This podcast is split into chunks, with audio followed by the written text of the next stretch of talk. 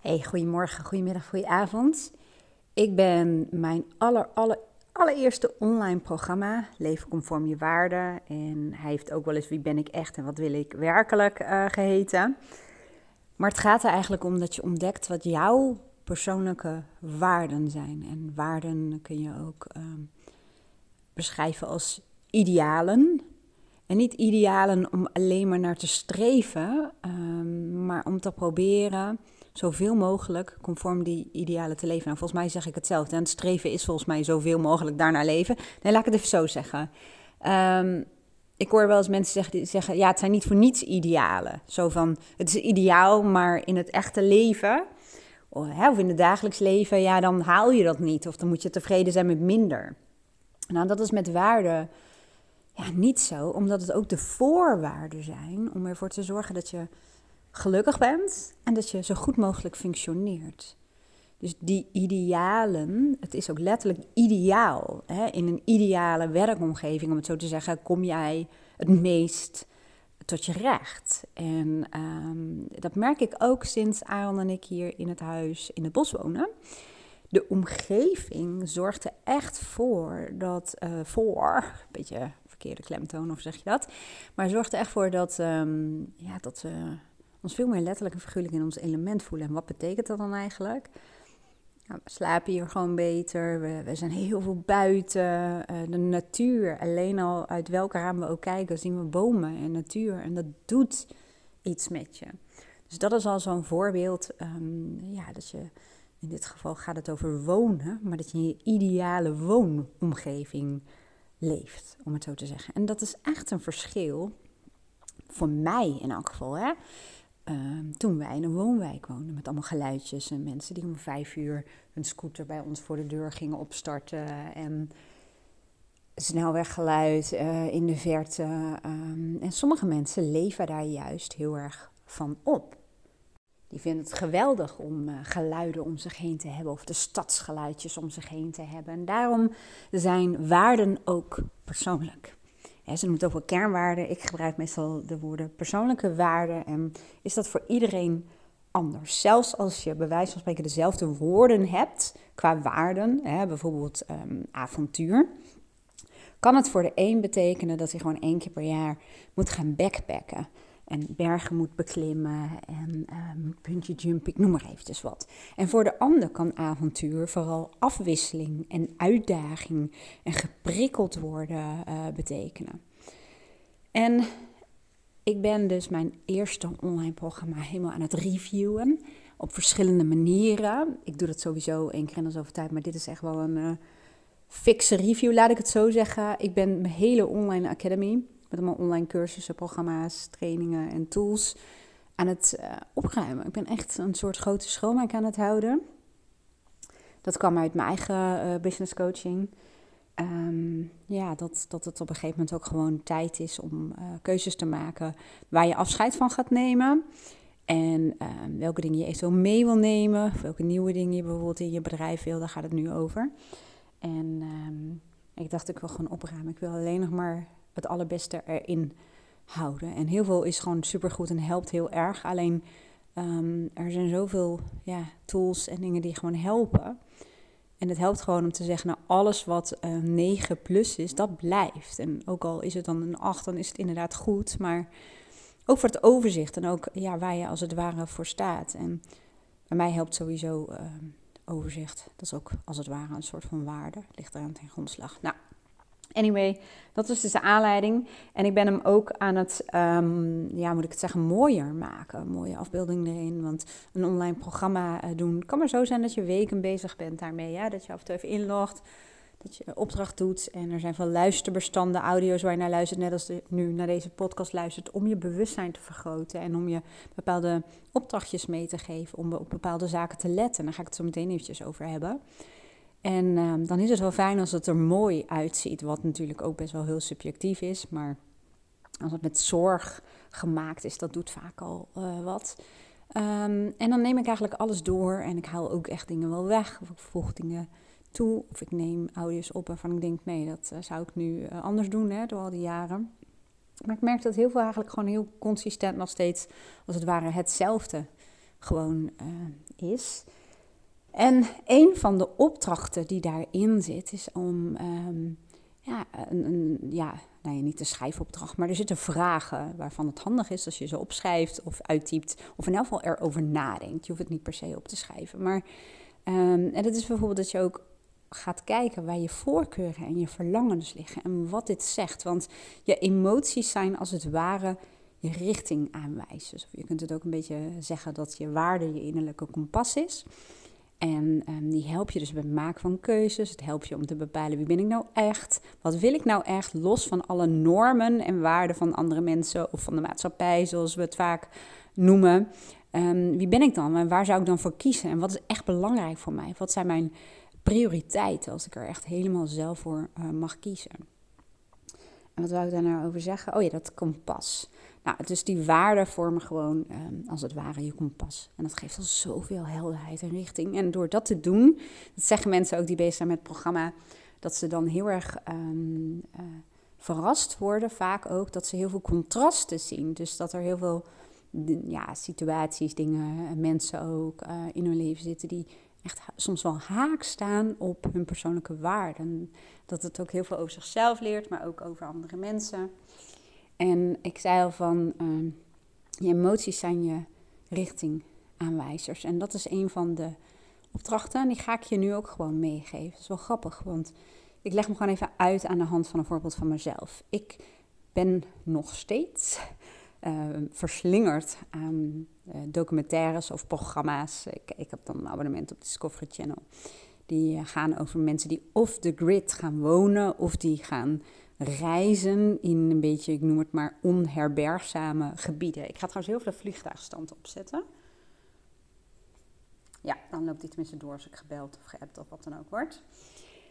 En um, ik kijk dat ik heb wel van die, van die vlagen hoor. Dat ik, uh, ik vind woonprogramma's bijvoorbeeld ook helemaal fantastisch. Daar ligt ook een waarde aan ten grondslag. Hè? Uh, creativiteit. En creativiteit en schoonheid horen bij mij bij elkaar, zeg maar. Um, kan geraakt worden door een lichtval uh, tussen de bomen door, vooral in de ochtend, met een beetje dauw.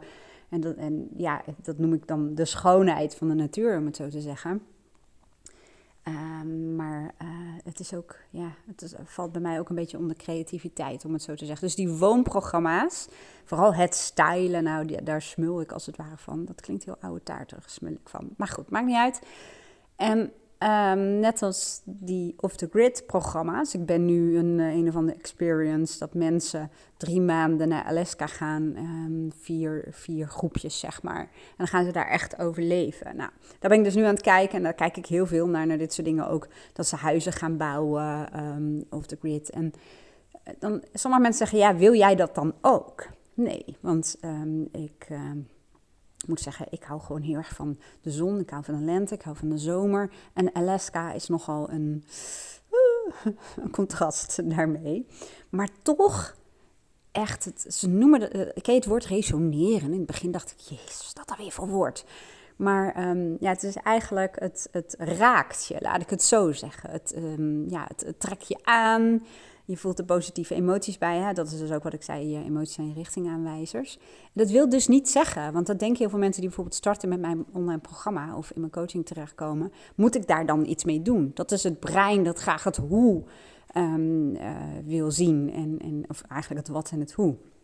Nee, het betekent dus niet dat we de hele handel hier moeten verkopen en de, de rugtas in moeten pakken en naar, uh, weet ik veel, Alaska moeten verhuizen. Maar toch, en dat is dus ook meteen als je luistert iets om voor, bij jezelf eens te doen, het laat je wat zien. En um, hoe ik dat zelf doe en wat ik dus mensen leer in uh, vooral het online uh, programma, ook wel in sessies hoor, maar het online programma gaat nog veel dieper hierop in, want anders zou ik zoveel meer sessies nodig hebben.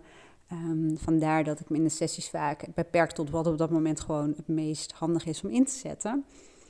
En um, uh, nou, dat is dus dat je niet gaat denken, oh, moet ik daar dan wat meenemen? Maar dat je gaat kijken, wat zijn dan van die dingen, die, of dingen, elementen of ingrediënten in bijvoorbeeld zo'n programma. Hè, daar houden we mijn voorbeeld eventjes uh, voor ogen. Waarom ik hier zo graag naar kijk. Echt, um, ja, en waarom ik bijvoorbeeld de tv op zichzelf, dus gewoon wij hebben Delta als abonnement en een of KPN of Ziggo wat dan ook. Weet je wel, gewoon de, het programma uh, aanbod. Ik zou zelden, zelden zet ik de televisie aan. Ik weet ook echt heel veel mensen die hebben het over beroemdheden waarvan mijn god niet weet wie het is. Dus het gewone, uh, de gewone televisie. Ja, of heel selectief als ik iets zou willen zien, maar kan nu niet, meer wat bedenken. Dus het is vooral Discovery Channel of Netflix.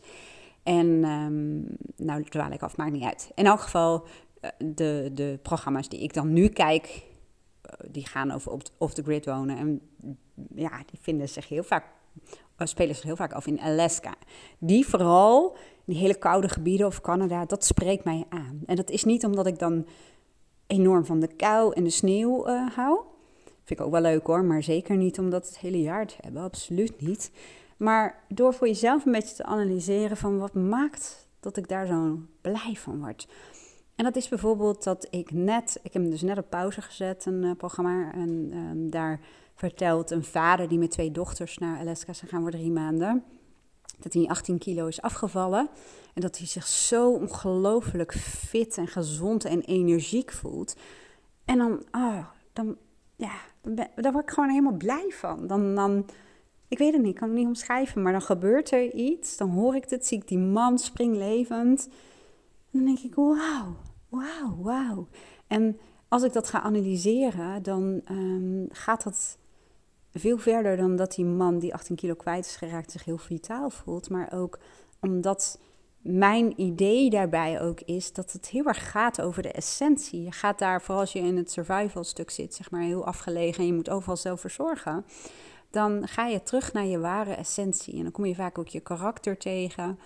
Um, je zult het met minder moeten doen. Je moet werken om te eten. Je moet bewegen. Het is soms afzien. Um, hoe ga je met de mensen om uh, waarmee je uh, bent? Hè? Welke kanten van jezelf komen er als het ware naar voren? Dus er zitten ook heel veel psychologische aspecten uh, bij. Hè? En, en goede ontwikkeling. En mijn werk, wat ik doe, is natuurlijk, draait daar allemaal om. Niet zozeer om psychologie, maar wel om gedrag. En om, om het brein en om, om mindset. Maar um, dat door zo'n periode van drie maanden, dat ze eigenlijk weinig hebben. En uh, ja, overal zelf voor moeten zorgen. En uh, ze zijn zeiknat geworden. Ze hebben zelf dingen moeten bouwen en uit moeten bouwen. Ze hebben tochten moeten maken door de kou, waarbij hun vingers er letterlijk en figuurlijk bijna afvroor. Bijna, hè? niet helemaal. En um, ja, ze hebben gehuild en ja, en toch is die man uh, springlevend. En, en zeggen dat het een onvergetelijke ervaring is. Omdat ik denk dat de natuur. Wij denken misschien als mensen dat we vaak heerser zijn of zo over de natuur. Maar in gebieden zoals Alaska, dan zal jij je toch echt moeten aanpassen aan uh, de natuur. Anders ga je gewoon dood. En um, ja, het, het, ja het, is, het gaat heel erg over de essentie. Het gaat heel erg over puurheid. En over enkel dat wat je nodig hebt. Als ik daarnaar kijk, bijvoorbeeld ook uh, de gemeenschapszin en, en, het samen met je gezin of bijvoorbeeld familie zijn. En, er is ook een groepje die, dat zijn vrienden bijvoorbeeld, maar gewoon de, de manier waarop je met elkaar omgaat en dat soort omstandigheden. En het losse, je bent daar gewoon echt, het geen opsmuk, um, geen afleiding, je bent er echt. Je bent echt letterlijk en figuurlijk in het hier en nu met je aandacht. Dat kan ook niet anders. Want um, ja, nogmaals, het gaat daar natuurlijk heel erg over, uh, over leven. En ook die hutjes of de tenten, het gezellige daarvan, vind ik, hè, dat, omdat het ook mijn waarden zijn. En dat had ik als klein meisje. Als klein meisje bouwde ik altijd hutten, buiten, uh, ook binnen, maar ook buiten. En uh, als er dan mijn vrienden en vriendinnen, zeg maar vriendjes en vriendinnetjes, want ik was nog heel klein. Ja, was een heel groot veld met bomen en, en gras, maar niet gras zoals dat op de gazonnen te zien is, maar echt gras wat heel hoog staat. En had tussen de bomen en had ik een, een soort tent gebouwd. En, en, blijkbaar had ik het voor elkaar gekregen. Ik weet niet wat ik daarvoor gebruikt had, dat weet ik niet meer. Maar dat ik daar in de regen in kon zitten. En dan ging ik lezen. Niemand wilde geloof ik mee, want ja, regen vindt iedereen heel erg leuk. Ik loop nu nog met heel veel plezier gewoon in de regen. Dat boeit me echt helemaal niks. En uh, het geeft me juist het gevoel dat ik leef. Maar goed, laten we even niet uh, te veel uitweiden. Maar in het tentje en een boek lezen en de gezelligheid. En het is nog steeds, en ik ben nu 47, hè? Ik heb ehm, op bed, zeg maar, heb ik gewoon een, een verzwaringsdeken. Ik weet niet of je dat kent. Ehm, en die heb ik zeg maar over mij heen. En daar overheen, ja, en dan kun je je voorstellen dat ik naar Alaska zou gaan. Maar daar overheen heb ik dan een dekbed. En dat dekbed trek ik helemaal over mijn hoofd. En dan leg ik mijn e-reader tegen mijn benen aan. Dan lig ik zeg maar op mijn zij. En dan zeg ik altijd tegen aan, ik zit in mijn tent of ik zit in mijn hutje. Dus dat zit er nog steeds in. En ook als we met kleine kindjes hutten bouwen, dan ben ik denk ik het grootste kleine kind, zullen we maar zeggen. En uh, laatst waren mijn neefjes er, tenminste zoontjes van mijn neefje. En nou, dan ga ik ook helemaal hutten bouwen met ze. En dan kussentjes erin en gezellig maken. En ja, dat, dat, dat had ik als kind al. Maar dat, um, ja, dat zijn omstandigheden, zullen we maar zeggen, die je dan creëert, waardoor je je in je element voelt, om het zo te zeggen. En het grappige is dat je dat dus nu nog steeds op deze leeftijd naar voren ziet komen. Dat als ik dan die tenten zie um, of die hutjes, ja, oh heerlijk. Gewoon klein, heel functioneel allemaal. Ik heb Aaron proberen te verleiden twee weken geleden om de tent op te zetten en in de tuin te slapen. Maar je ziet het nog even niet zo zitten. En aan de andere kant denk ik, ja, wat piep, waarom zou ik niet in mijn eentje daar gaan liggen? Dat kan natuurlijk ook. Maar um, het, het, het leert je als je het gaat analyseren, als het ware. En dat is misschien wat lastiger om dat out of the blue te doen. Hè? Want het is in mijn geval natuurlijk een onderdeel van mijn online programma. Dus er zit natuurlijk wel een soort opbouw in, om het zo te zeggen. Maar laat ik dan zo kort samenvatten dat um, je voorkeur en je verlangens, hè, je, je emoties, die laten je continu zien of je wel of niet conform je waarden leeft. Want Um, en dat is niet per se dat jij conform die waarde leeft, maar dat je bijvoorbeeld in een situatie zit die conform je waarde is of niet. Want net zo goed als um, negatieve emoties, ja, die uh, laten je ook wat zien. Ik had laatst bijvoorbeeld echt een gigantisch conflict. Dat iemand zei van, um, ja, we laten even mijn uh, stiefzoon, die uh, laten we even bij zijn moeder. Want die um, heeft nog geen corona en wij wel. En uh, straks dan krijgt hij ook corona en dan kunnen we niet op vakantie. En vervolgens liet ze haar eigen dochter met corona wel werken. En dan zei ze van ja, dat moet de baas maar beslissen. Nou, en dat was echt, oh, dan ga ik echt bijna door het plafond. Dat vind ik zo uh, niet integer en oneerlijk. Ik voel nog steeds dat mijn hartslag daarvan omhoog gaat. Dat ik echt denk, hoe kan het waar zijn dat je je eigen vakantie veilig wil stellen en dat je je dochter laat werken zonder dat iemand het weet. De mensen hebben helemaal geen keuze.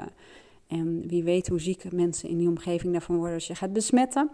En in het minst erge geval uh, worden andere mensen aangestoken en krijgen ze corona en kunnen ze niet op hun vakantie. Dus ik merk het nu aan mijn hartslag dat het zo'n gigantisch conflict is met um, waarden van mij, eerlijkheid en integriteit, zo noem ik ze dan. Um, grappig hè, dat ik nu gewoon, ik voel gewoon mijn ademhaling omhoog gaan en mijn hartslag. Want ik vind het zo oneerlijk en zo niet kunnen.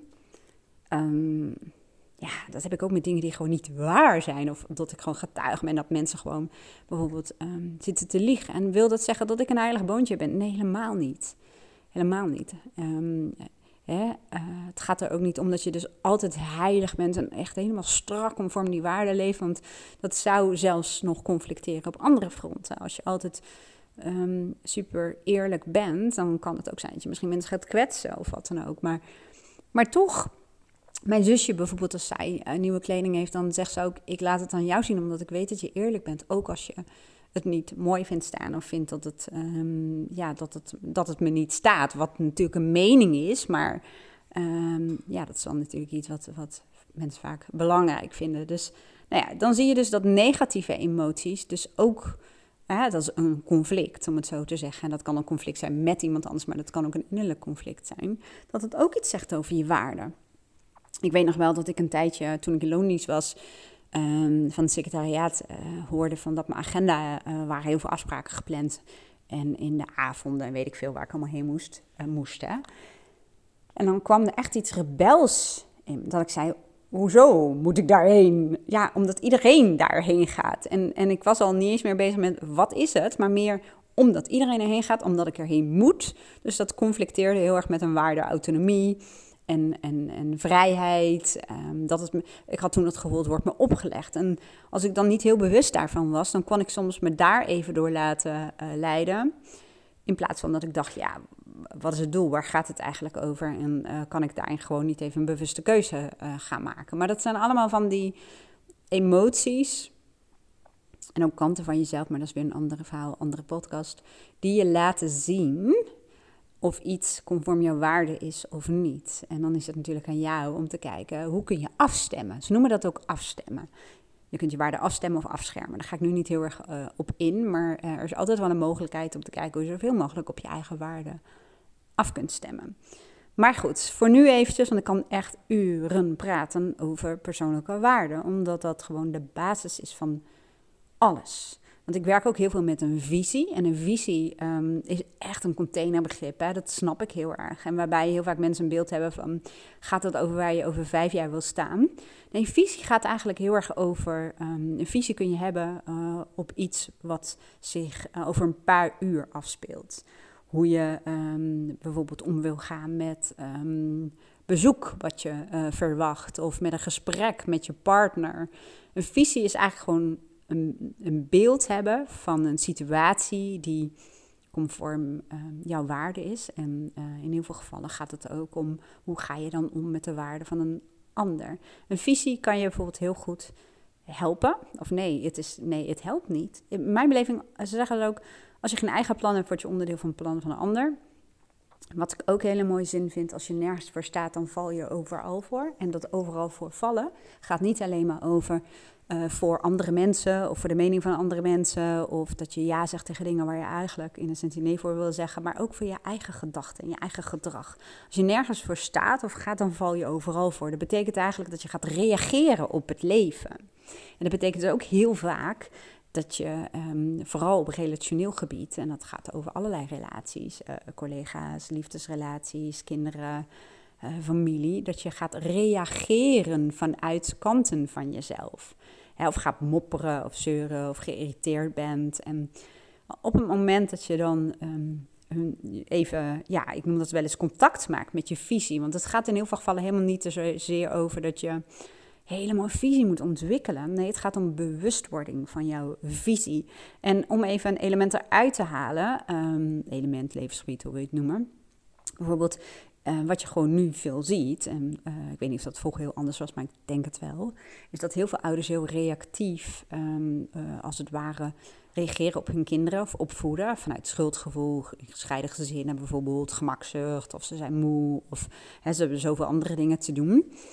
Um, terwijl als je een visie zou hebben, dan zou je echt samen bijvoorbeeld, als dat kan, hè, met een partner gaan kijken van ja, wat wil ik mijn kinderen meegeven? Wat wil ik dat als ze bijvoorbeeld uit huis gaan, wat wil ik dat ze um, zelf kunnen? Of hoe zou ik willen dat ze omgaan met andere mensen? En natuurlijk gaat het om wat je meegeeft. Hè? Een kind kan daarna gewoon zelf bepalen wat het doet, maar je wil het vaak ook waarden meegeven. Net als bijvoorbeeld dat mijn um, uh, vader en zijn vrouw naar Spanje gingen voor zes weken dan vind ik gewoon belangrijk dat Luca, uh, mijn stiefzoon, zeg maar, even een berichtje stuurt. Of als zijn opa en oma ziek zijn, dat hij even contact met ze opneemt. Of vraagt hoe het gaat. En dat zijn mijn waarden en normen. Maar daar ligt wel een visie aan ten grondslag. Nou, eigenlijk zeg ik dat verkeerd. Eigenlijk is het zo dat je waarden zijn je bouwstenen. En normen, daar ga ik later wel een keer over hebben, want het zijn eigenlijk de leefregels, om het zo te zeggen. Maar je waarden zijn um, de bouwstenen, dat is het fundament. Dat is ook in het Mindshifters programma wat Rachel en ik nu aan het doen zijn, noemen we dat ook fundament en purpose. Um, purpose zit meer gelinkt aan je missie, maar waarde zit ook heel erg gelinkt aan je missie. Maar missie is ook weer zo'n containerbegrip. Maar je waarden, dat zijn dus eigenlijk de, ja, de, de, de, de bouwsteentjes. Gewoon, dat is waar alles weer op terug te voeren is, waar alles op terugvalt. Want een visie bestaat uit een situatie die, um, waarin je volgens je waarden leeft, opvoedt, uh, werkt, um, je sociale leven uh, hebt. Dus je ziet ook dat dat vaak de rode draad is, dat de waarde de rode draad is. En dat een visie is eigenlijk gewoon meer een uitwerking van een situatie waarin je volgens je waarde leeft. En daar bedoel ik dus mee qua opvoeden. Dus dat je nadenkt over wat zijn mijn belangrijkste persoonlijke waarden en uh, normen, want die horen daar dus bij.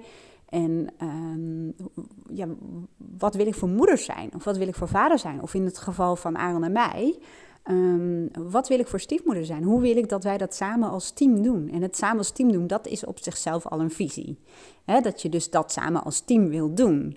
En ehm, hoe doe je dat in een soort van samengesteld gezin, zoals ze dat noemen? Welke rollen willen we dan aannemen? Hoe willen we dat met z'n tweetjes doen? Um, wat willen we onze kinderen meegeven? Hoe willen we omgaan met verschillen? Uh, wat, ja, wat vinden we belangrijk? Dus dat soort vraagstukken, dat soort vragen en daarmee bezig zijn, Ehm, dat vormt je visie. En daardoor zul je veel bewuster, ik noem het wel strategischer, bewust strategischer, worden in ehm, alles. Dat op het moment dat je bijvoorbeeld uh, nu je kinderen ehm, ja, niks laat doen in het huishouden, of bijna niets, omdat je het zo gemakkelijk wil maken, of je vindt het uh, zielig of vervelend, of uh, nou, whatever wat er aan zijn grondslag ligt. Hè? Of uh, misschien ben je bang voor de confrontatie, whatever. Ik heb al zoveel dingen gehoord. Dus, um, en ben zelf moeder, dus ik snap het zelf ook natuurlijk wel. Maar um, als je geen visie, ja, je hebt altijd wel een soort van visie, maar als je niet bewust bent van jouw wenselijke visie, dus volgt je waarde, om het zo te zeggen, dan kan het dus zijn dat je ervoor kiest om alles voor je kinderen te doen. Maar heel vaak als met mensen, ik heb dat ook heel veel met stellen gedaan, bezig gaan met hun visie. En bezig gaan is gewoon, ik help ze gewoon om zich bewust te worden van die visie. Dan uh, zeggen bijvoorbeeld heel veel dat ze graag zouden willen dat als ze op zichzelf gaan, ja, dat ze gewoon um, ja, goed met andere mensen om kunnen gaan. En zij definiëren dan voor mij wat het in hun ogen dan is. Hè? Uh, dat ze willen dat ze zich kunnen redden, um, dat ze veerkrachtig zijn. Uh, dat ze uh, onafhankelijk zijn of zelfstandig zijn. En dan wordt heel vaak duidelijk, oh ja, ja, dan is de strategie die we nu hebben heel onbewust. En die, uh, want ik vraag wel eens van, um, ja, dus dit is belangrijk voor je. Dus hoe denk je dat het gaat aflopen? Of probeer eens even door, kijk je in de toekomst te nemen, wat denk je dan dat er gebeurt? Of hoe zal het dan gaan met iets wat je zegt belangrijk te vinden, zelfstandigheid? Hoe zelfstandig zullen je kinderen worden als je blijft doen wat je op dit moment dan uh, doet? En dan merk je ook, um, en dat is nog stof voor een andere podcast, dan heel veel mensen zeggen, ja, maar dan heb je discipline nodig, of lef, of, of, of um, um, hoe zeg je dat, consistentie, om dat vol te blijven houden. Nee, want als je het hebt over, bij wijze van spreken, uh, discipline versus motivatie, komt een nieuwe podcast over. Maar um, als je echt emotioneel betrokken bent bij die visie, dus je hem echt voelt als het ware, hè, daarom zeg ik ook ervoor gaan en ervoor staan, dan is die uh, strategie als het ware bijna een logisch gevolg. Dan voelt het niet als een drempel of moeilijk, omdat je ervoor staat. Je voelt hem gewoon. Je weet waarom je het doet. Je weet wat het belang daarvan is. En je doet dat dan als het ware vanuit liefde, omdat je het weet, omdat je het voelt. En nou werd ik in één keer geconfronteerd met een uitspraak van mijn eigen vader. En in één keer dacht oh, mijn vader zei ook altijd, het voelt misschien niet zo, maar dit doe ik uit liefde. En nu, nu in één keer valt het kwartje. Net als dat ik wel eens tegen Lisa zei: Het is niet mijn taak om jouw vriendin te zijn. Het is mijn taak om jouw moeder te zijn. En natuurlijk ehm, verandert dat wel naarmate je kinderen uh, ouder worden. Maar um, ik zeg ook wel eens, uh, ik heb, zij was tegen Lisa vroeger en ook wel eens tegen Luca van... Kijk, het is voor mij vaak veel makkelijker om jullie gewoon helemaal jullie zin te geven. En dat is voor mij het makkelijkst. Ben ik van het gezeik af, geen gedoe. Jullie vinden me hartstikke lief en leuk. Uh, nou, dat is maar de vraag. Maar goed, dat even, laten we dat even voorop stellen. Dat is lekker makkelijk voor mij. ik zeg maar, zodra ik dat ga doen, ga er maar van uit dat ik uh, jullie niet meer zo belangrijk vind. Of dat ik niet meer zo om jullie geef. Um, en natuurlijk is dat nogal absoluut, maar dat voelde van mij zo. Ik zeg, zolang ik me nog bekommer en voor de weg van de meeste weerstand dan ga, hè, want dat was toen, uh, zeker in de puberteit, uh, wel het geval. Um, dat komt omdat ik nog betrokken ben en omdat ik um, een, ja, een visie heb, omdat ik een, uh, een beeld heb van wat belangrijk is. En ja, dat betekent dat je dingen moet doen waar, waar, waar ze niet heel blij van worden. Tenminste, als je ze alles zou laten doen wat ze willen, ja, dan maken ze meestal die leeftijd niet de meest geweldige keuzes. Hè? Soms ook wel. En hoe je dat dan met elkaar bespreekt, dat is ook weer conform jouw waarden en hoe je dat wil doen. En dat maakt het soms ook makkelijker. Want sommige ouders zeggen ja, maar het moet een bepaald gezag hebben of ze moeten naar me luisteren. Maar als je bezig gaat met je waarden en je visie, dan is dat soms iets wat meer vanuit de buitenwereld wordt gedreven. Net als in management, ik doe heel veel leiderschapscoaching. Ehm, en ik heb toen in mijn eigen rol als um, leidinggevende dat ook ervaren. Dat ik dacht dat ik alles moest weten. En uh, een bepaalde autoriteit moest hebben of zo. Um, en uh, ja, weet ik veel, een stukje, ja, hoe moet je het noemen? Dominantie is een beetje een vreselijk woord, maar ja, dat je dat nodig had, hè, zelfverzekerd, snel beslissingen nemen en alles weten. Dat, dat is vaak het beeld wat heel veel mensen dan hebben van leiderschap. Maar als je weet wat jouw visie is hè, en wat jouw rol daarin is, visie en missie gaan altijd eigenlijk hand in hand dan, dan, um, ja, dan bepaal je dat zelf, hoe je dat wil doen. En uh, ja, voor mij was het gewoon belangrijk. Ik, ja, ik dacht, je, ja, je faciliteert eigenlijk gewoon dat mensen tot hun recht komen en dat ze um, richting meekrijgen. Dat je de weg voor vrij maakt en dat je ze behandelt als uh, volwassen, verantwoordelijke experts. En dat je juist een beroep doet op hun expertise. En dat het heel natuurlijk is als je mensen in je team hebt zitten die bijvoorbeeld veel beter zijn in bepaalde zaken dan jij, of veel slimmer. Dat dat um, helemaal oké is. Dat het helemaal niet nodig is dat je meer weet dan iemand uh, in je team, om het zo te zeggen. Maar dat vergt wel het hebben van een visie. En die is voor iedereen natuurlijk anders. Hè? Want uh, daar gaat het natuurlijk ook wel um, heel erg over. Maar dan kun je zelf daarin keuzes maken. En anders word je heel vaak gestuurd door um, ja, conditionering, door ja, programmering ook wel genoemd. Door wat je denkt dat de maatschappij, uh, nou dat denk je niet, maar eigenlijk de dingen die je gewoon meekrijgt. Dus je adopteert eigenlijk allerlei manieren, omdat je er zelf niet heel bewust over na hebt gedacht. Nou, misschien wordt het nu wel een beetje te abstract, want ik begon natuurlijk met Um, nou ja, iets wat ik wilde delen, dat ja, emoties je richtingaanwijzer zijn. En dat, um, dat het jou heel erg kan helpen om bij jezelf eens even na te gaan, bewust te worden, te analyseren, hoe je het eigenlijk ook wil noemen. Ja, van welke dingen word je blij van? Bijvoorbeeld, en dat kan al zo simpel zijn door um, bij jezelf na te gaan, wat maakt dat ik deze Netflix-serie bijvoorbeeld zo graag kijk? Of wat maakt dat ik deze accounts uh, op social media zo graag uh, volg? Of um, ja, wat, wat maakt in de vakantie dat ik zo uh, blij ben? Wat zijn de ingrediënten, de voorwaarden, de, condities? En zo leer je heel veel meer over jezelf. Nou, mocht je nou het luisteren zelf zin hebben gekregen om te zeggen, ja, maar ik wil ook wel wat met die waarden doen, dan heb ik op dit moment, dus januari 2023, heb ik um, daar meerdere manieren voor. In die zin, je kunt natuurlijk mijn online uh, programma doen. Hè, dan ontdek je je waarden, maar niet alleen je waarden, maar je gaat ook kijken welke onbewuste normen sturen jou heel erg en bepalen eigenlijk in jouw leven. En hoe ga je om met het idee, als je zo meteen weet wat jouw belangrijkste persoonlijke waarden zijn. En dan zie je dat je misschien verandering wil doorvoeren. Of dat het conflicteert met de waarden en normen van andere mensen om je heen. Hoe ga je daardoor mee om? Hè? Want het is niet klaar als je weet wat je waarden zijn. Want dan begint vaak het veranderingsproces. Hè? Als je dat klein gefaseerd wil doen, of sommige mensen doen dat wat rigoureuzer. Dus daar is het uh, online programma echt heel erg geschikt. En um, ja, mensen zeggen ook al, het is een proces. Het, noem, ik, ja, het heet een programma, want iedereen noemt dat eigenlijk zo. Ik heb nog geen nieuw goed woord gevonden. Maar eigenlijk is het gewoon een proces. Het is een um, proces waarin je stapje voor stapje steeds meer over jezelf leert en ontdekt. En het is een opbouwend iets. Het groeit, waardoor uh, ja, ook steeds meer emotioneel betrokken raakt bij die waarden. Waardoor het ook makkelijker wordt om ja te zeggen voor de dingen die echt je prioriteiten zijn. En nee te zeggen tegen dingen, mensen die um, daarmee uh, conflicteren. Dat is een opbouw. Dat is niet van de een op de andere dag. Maar als je voelt, echt ten diepste voelt wat belangrijk voor je is, dan ga je ook merken dat je niet zoveel concessies meer doet en zomaar meegaat met iedereen. Want dat is dus dat zinnetje, als je nergens voor staat, dan val je overal voor. Oké, de andere manier is natuurlijk gewoon uh, coaching, één op één coaching bijvoorbeeld. En uh, nou ja, daarvoor kun je eventueel gewoon in mijn eigen online agenda kijken. En de andere optie is om via Mindshifters um, dat samen met Rachelle en mij te doen. Op dit moment draaien we een half jaar uh, programma met, we noemen dat onze foundersgroep. Um, een kleine groep waarin we het programma aan het ontwikkelen zijn, waarin waarden ook een heel belangrijk onderdeel zijn, maar nog eigenlijk maar een stukje van het hele programma. Het is gewoon een persoonlijk coachprogramma waarin je zit met meerdere deelnemers gelijkgestemden. We selecteren dus echt wel, je kunt niet zomaar uh, erin. Hè? Ehm, je moet sowieso gemotiveerd zijn en een bepaald commitment uh, leveren. Dat is ook de bedoeling van dat je elkaar helpt, stok achter de deur hebt, bezig bent met persoonlijke groei en ontwikkeling, bewustzijn, maar wel op een manier die past in je dagelijks leven. Anders heb je een soort afbreukrisico. Dan is het leuk als je start, maar daarna haak je af en dat is natuurlijk niet de bedoeling. De bedoeling is juist dat je die motivatie ook voelt en dat je het leuk vindt om te doen.